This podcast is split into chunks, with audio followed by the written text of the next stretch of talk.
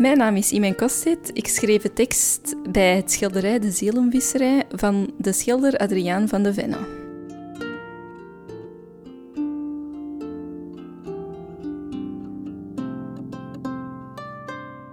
Vissen naar identiteit in de ander. Ik wil je ziel omhelzen. Ik wil je leiden opdat ik mezelf zou leiden. Maskeer mijn worstelingen met jouw overtuiging en neem de plaats in van mijn onzekerheid. Heb je de gemeenschap dan niet nodig zoals ik haar nodig heb? God beval me te denken en ik dacht. Ik dacht in stilte, want ik dacht verkeerd. God vroeg me te lezen en ik las. Ik las verscholen, want mijn bronnen waren niet betrouwbaar. God gebood me de zwakkeren bij te staan en ik was solidair. Ik was solidair achter gesloten deuren, want de zwakkeren waren onzedig. God stond me toe kritisch te zijn en ik was kritisch. Ik keerde mijn kritiek naar binnen omdat ik anders uiteen zou drijven wat hen verbond. God gaf ons de reden, maar ik maakte mijn reflecties niet openbaar. Ik hield ze voor mezelf omdat ik anders vraagtekens zou plaatsen waar punten stonden. Tegen zijn wil in loop ik in de pas. Begrijp je dan niet dat ik hen slechts nodig heb zoals ik hem nodig heb? Ik besta enkel in hun midden. Ik kan niet zijn zonder gedefinieerd te worden. Ik wil je ziel omhelzen.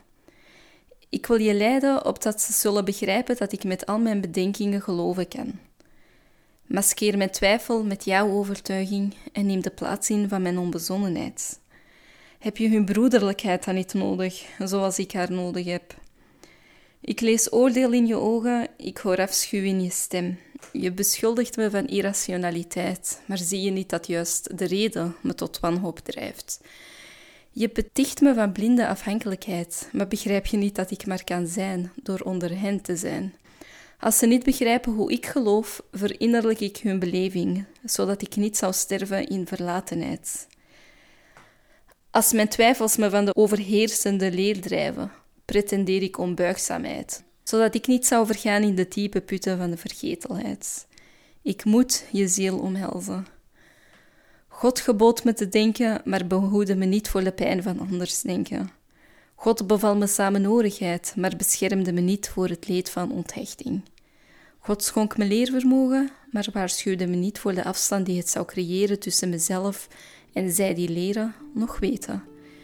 God stond toe dat ik hem zou bevragen, maar vermeldde niet dat ik dat enkel zou kunnen doen in ballingschap. Laat me dus je ziel omhelzen voordat wij elkaar treffen in de omhelzing van de eenzaamheid.